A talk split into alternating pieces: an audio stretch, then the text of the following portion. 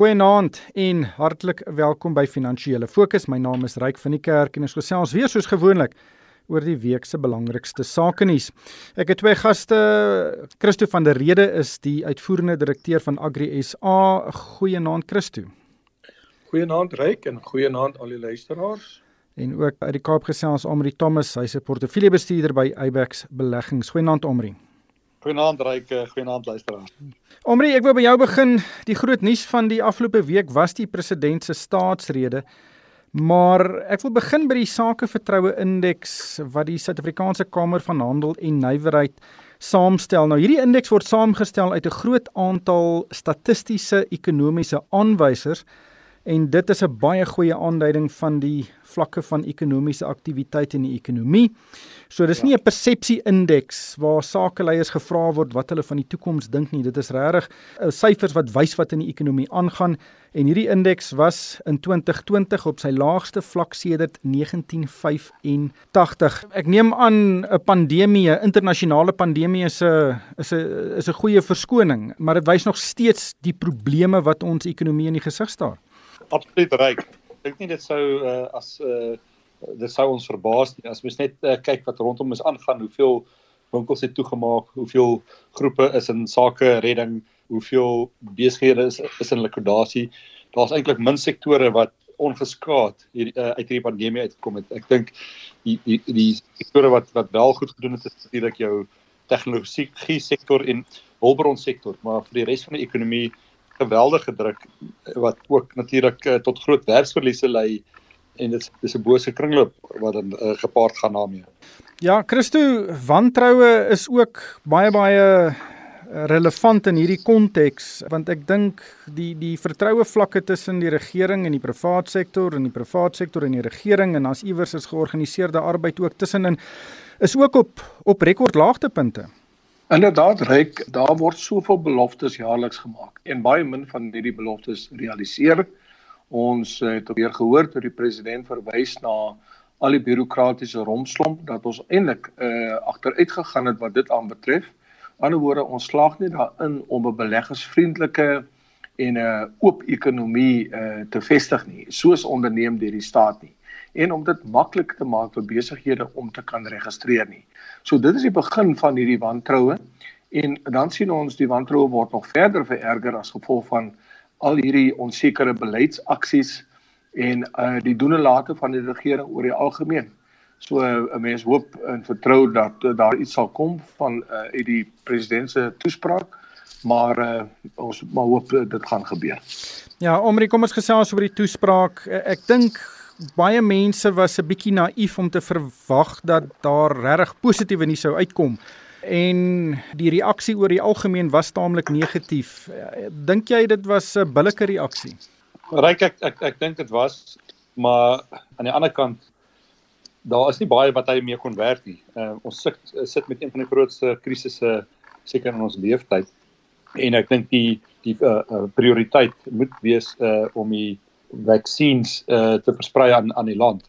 Ongelukkig het ons 'n uh, 'n groot voetfout vroeg in die proses gemaak en toe het ons rondgeskarrel om dit te pro te, te probeer korrigeer en uh, toe nou sit ons met met verkeerde uh, uh vaksines. So uh, ek dink ons het daar die pot misgesit. Ek dink die die beloftes of die planne wat hy gemaak het in die staatsrede is is geloofwaardig, maar ek het Christus gesê het, ons het al soveel keer beloftes gehoor wat dan nie wat dit nie uitgevoer word nie. Ons het die geerplan gehad 'n klomp jaar terug. Ons het die meer onlangs Trevor Manuel se plan gehad en al daai planne is goed, maar dit word net nie uit, uitgevoer nie. So ja, ons het uh, die uh, die nasionale ontwikkelingsplan ook gehad wat 'n baie baie goeie plan was. Is. Absoluut. Ehm um, so as ons net bietjie kan begin deurvoer op daai planne.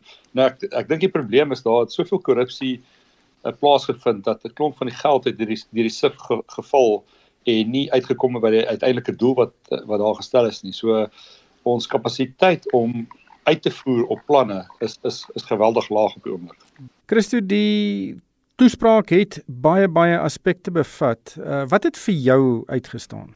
Kyk, uh, die prioriteite wat die president uitgelig het, kan 'n mens nie meer fout vind nie. Een, ons moet hierdie pandemie op een of ander wyse uh, teenwerk en die uitrol van hierdie enstowwe is sekerlik uh, bemoedigend maar natuurlik die wantroue jy weet in hierdie hele proses kan jy ook nou nie uh, sommer net so van die tafel afvee nie. Almal het gehoop en bid die eerste vrag sal ons deursien.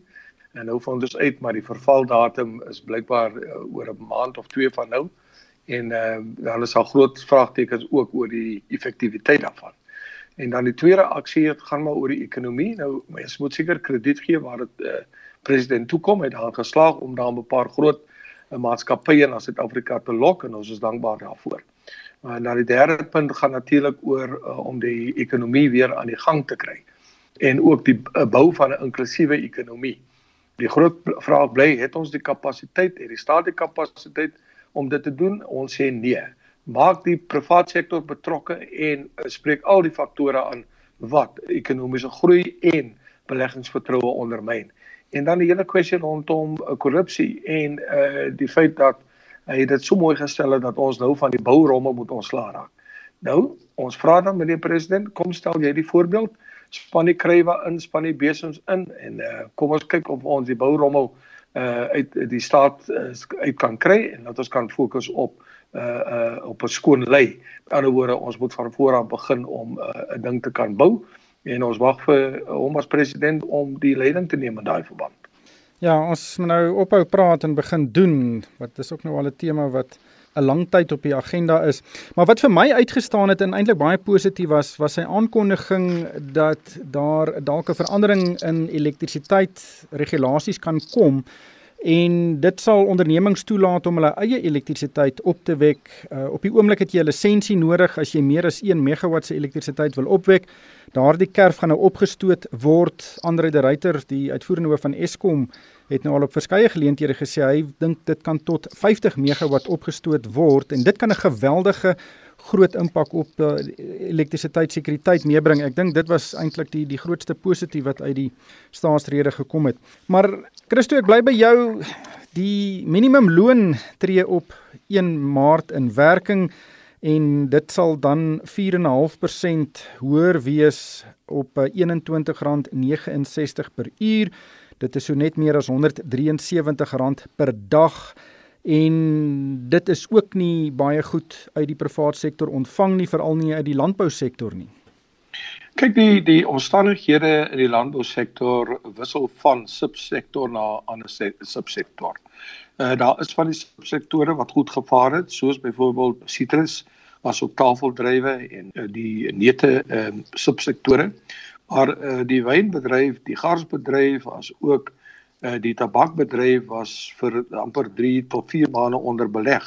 Hulle kon nie sake doen nie. En die wolbedryf as ook die katoenbedryf het bitter swaar gekry gedurende die eerste twee fases van die inperking. En die groot vraag bly, waar gaan ons uh die hierdie bedrywe spesifiek die geld kry om mense volgens daai nuwe skale te vergoed?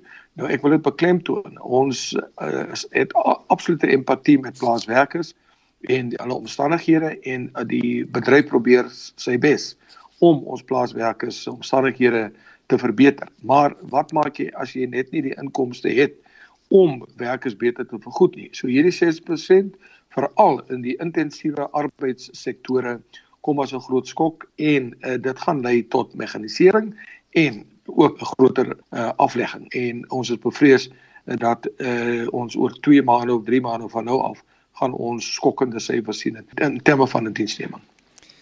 Ja, Omri, ek luister nou na Christo en hierdie is eintlik 'n baie ingewikkelde debat. Aan die een kant, as jy vir 22 dae in 'n maand werk, dan sal jou salaris teen hierdie minimumloon R3820 wees wat werklik nie baie is nie. Maar aan die ander kant sit ons met werkloosheid van 40% plus in Suid-Afrika en dit is ook nie volhoubaar nie. Die antwoord vir ons is werkskepping. En ons het nou vroeër verwys na die nasionale ontwikkelingsplan en een van die voorstelle wat hulle gemaak het is om arbeidswetgewing te verslap sodat die private sektor dalk 'n bietjie meer aangemoedig word om mense aan te stel en uh miskien moet die regering in die spieël kyk en besef dat die huidige denke, die beleidsstandpunte dalk verander moet word gee miskien die vrye mark die kans om sy ding te doen en ek is seker in die regte omstandighede sal dit uh, tot 'n dramatiese toename in werksgeleenthede lei. Uh korrek, uh, Ryk. Ehm um, daar's 'n beperkte aantal geld beskikbaar om jou werksmag te be uh, te betaal. En as die minimumloon opgaan, beteken dit net jy kan minder werkers vir dieselfde bedrag in werk uh, uh, of werk voorgee. So in 'n land soos ons waar ons groot werkloosheid het, probeer ons se eerste wêreld se minimum minimumloon stelsel toepas. Waar ek dink ons moet net meer kyk om om eerder meer werke te skep en toe te laat dat die private sektor bepaal wat is 'n wat is 'n billike loon. En sodoende dink ek kan ons ons werkloosheidsyfer afkry. Natuurlik binne perke, mens kan nou nie teen 'n uh, slaafloon werk nie, maar ek dink dit dit sit die private sektor onder te geweldige druk om verhogings ook deur te sit in 'n tydperk waar daar waar die ekonomie onder geweldige druk is. Maar omre kom ons gesels ook oor die aandelemarkte wat hierdie week absoluut uh, nuwe rekord hoogtepunte bereik het nie net in Suid-Afrika nie maar ook in baie ander lande en en hierdie positiewe marksentiment is 'n bietjie teenstrydig met die ekonomiese vooruitsigte wat ons in baie markte sien. Ryk dis dis dis eintlik ongelooflik is as as 'n uh, mens nie geweet het waar's markte nie en jy het net aan die makro-ekonomie kyk en jy moes raai waar verhandel markte. Dink ek dink ons raai dat die markte teen nuwe hoogtepunte verhandel. En uh ek dink dit is maar net 'n gevolg van die geweldige lae rentekoerse wat reg oor die wêreld is en dat jou alter, alternatiewe beleggingsbates ehm um, se opbrengs so laag is dat dit heeltyd die die geld uitstoot na jou risikobates en natuurlik is is aandelemarkte uh, word bevoordeel daardeur. En en opkomende markte uh in Suid-Afrika is is een van daai bevoordeeldes. Natuurlik ons rand wat ook uh uh voordeel trek daaruit. Ehm uh, So dit is dis ongelooflik uh sterk markte. Maar as ek kyk na daar is dele van ons mark wat nog nie soveel uh, baat gevind het nie wat nog redelik goedkoop is en ek dink dit is daai deel van die mark wat ook nou 'n bietjie gaan aantrek uh, aandag trek onder beleggers. Maar is nog steeds sekere sektore wat baie baie beter vaar as ander op die oomblik is die kommoditeitssektor en die myne in Suid-Afrika besig om werklik uh, baie goeie winssyfers te wys en hulle aandelepryse het geweldig gestyg, so ook Naspers en Prosus. Uh, maar daai middelvlak in, op ons beurs ten minste die die middelslag en selfs kleiner aandele, hulle trap nog maar water.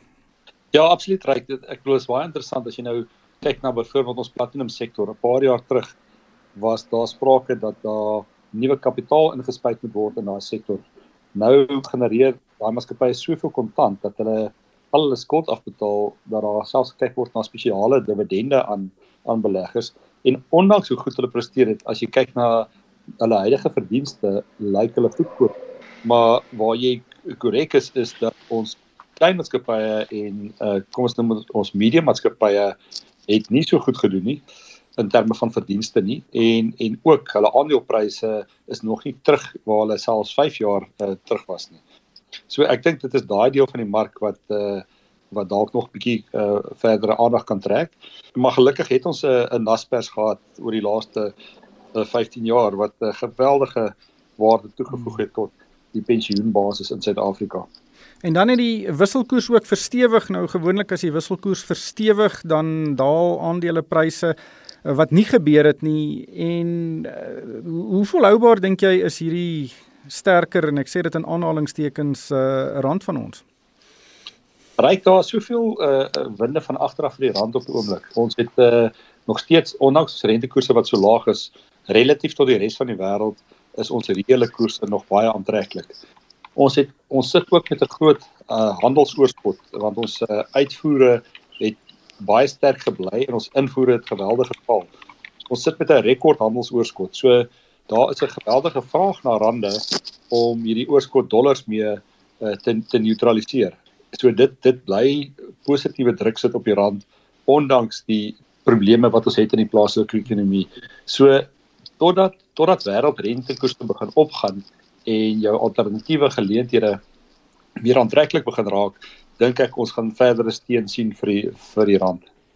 Christo, dan net laastens, ons kan nie met jou gesels sonder om oor suiwer landbou te gesels nie. Ons het gesien hierdie week hoe meeste van die damme in Suid-Afrika vol is. Ons het gesien hoe die Vaaldam se sluise oopgetrek word en dit dui daarop dat ons 'n goeie landbouseisoen gaan beleef. Uh, is dit die geval? Inderdaad reik uh, al die vooruitskattinge dui daarop dat ons 'n baie goeie somergraanseisoen gaan hê. En um, ons het ook verlede jaar die jaar afgesluit met 'n uitstekende wintergraanseisoen. En ehm um, die groot kommer natuurlik is dat uh, ons hoop en vertrou dat daar nie veel vloedskade sal wees nie. En dan natuurlik die ander vraag is met al hierdie water wat so heerlik see toe vloei, waar is die planne om hierdie water op te dam en te kanaliseer na droogtegetuieerde gebiede toe? Maar ons is bitter dankbaar en uh, jy weet die, die ek dink uh, ons sektor is absoluut geseënd as jy kyk na die uh, bydrae wat ons vir hierdie jaar gemaak het uh, wat die ekonomie aanbetref en ek dink uh, hierdie jaar is ons geraad selfs vir beter groei en en groter bydrae. Koop regtig so. Maar uh, die tyd het ons ingehaal. Christo, dankie vir jou tyd vanaand. Dit was Christo van der Rede. Hy is die uitvoerende direkteur van Agri SA en ook Amri Thomas, hy's 'n portefeuljebestuurder by Ibex Beleggings. Dankie vir julle deelname. En vir my ryk van die kerk, dankie vir die saamluister en ek koop almal 'n winsgewende week.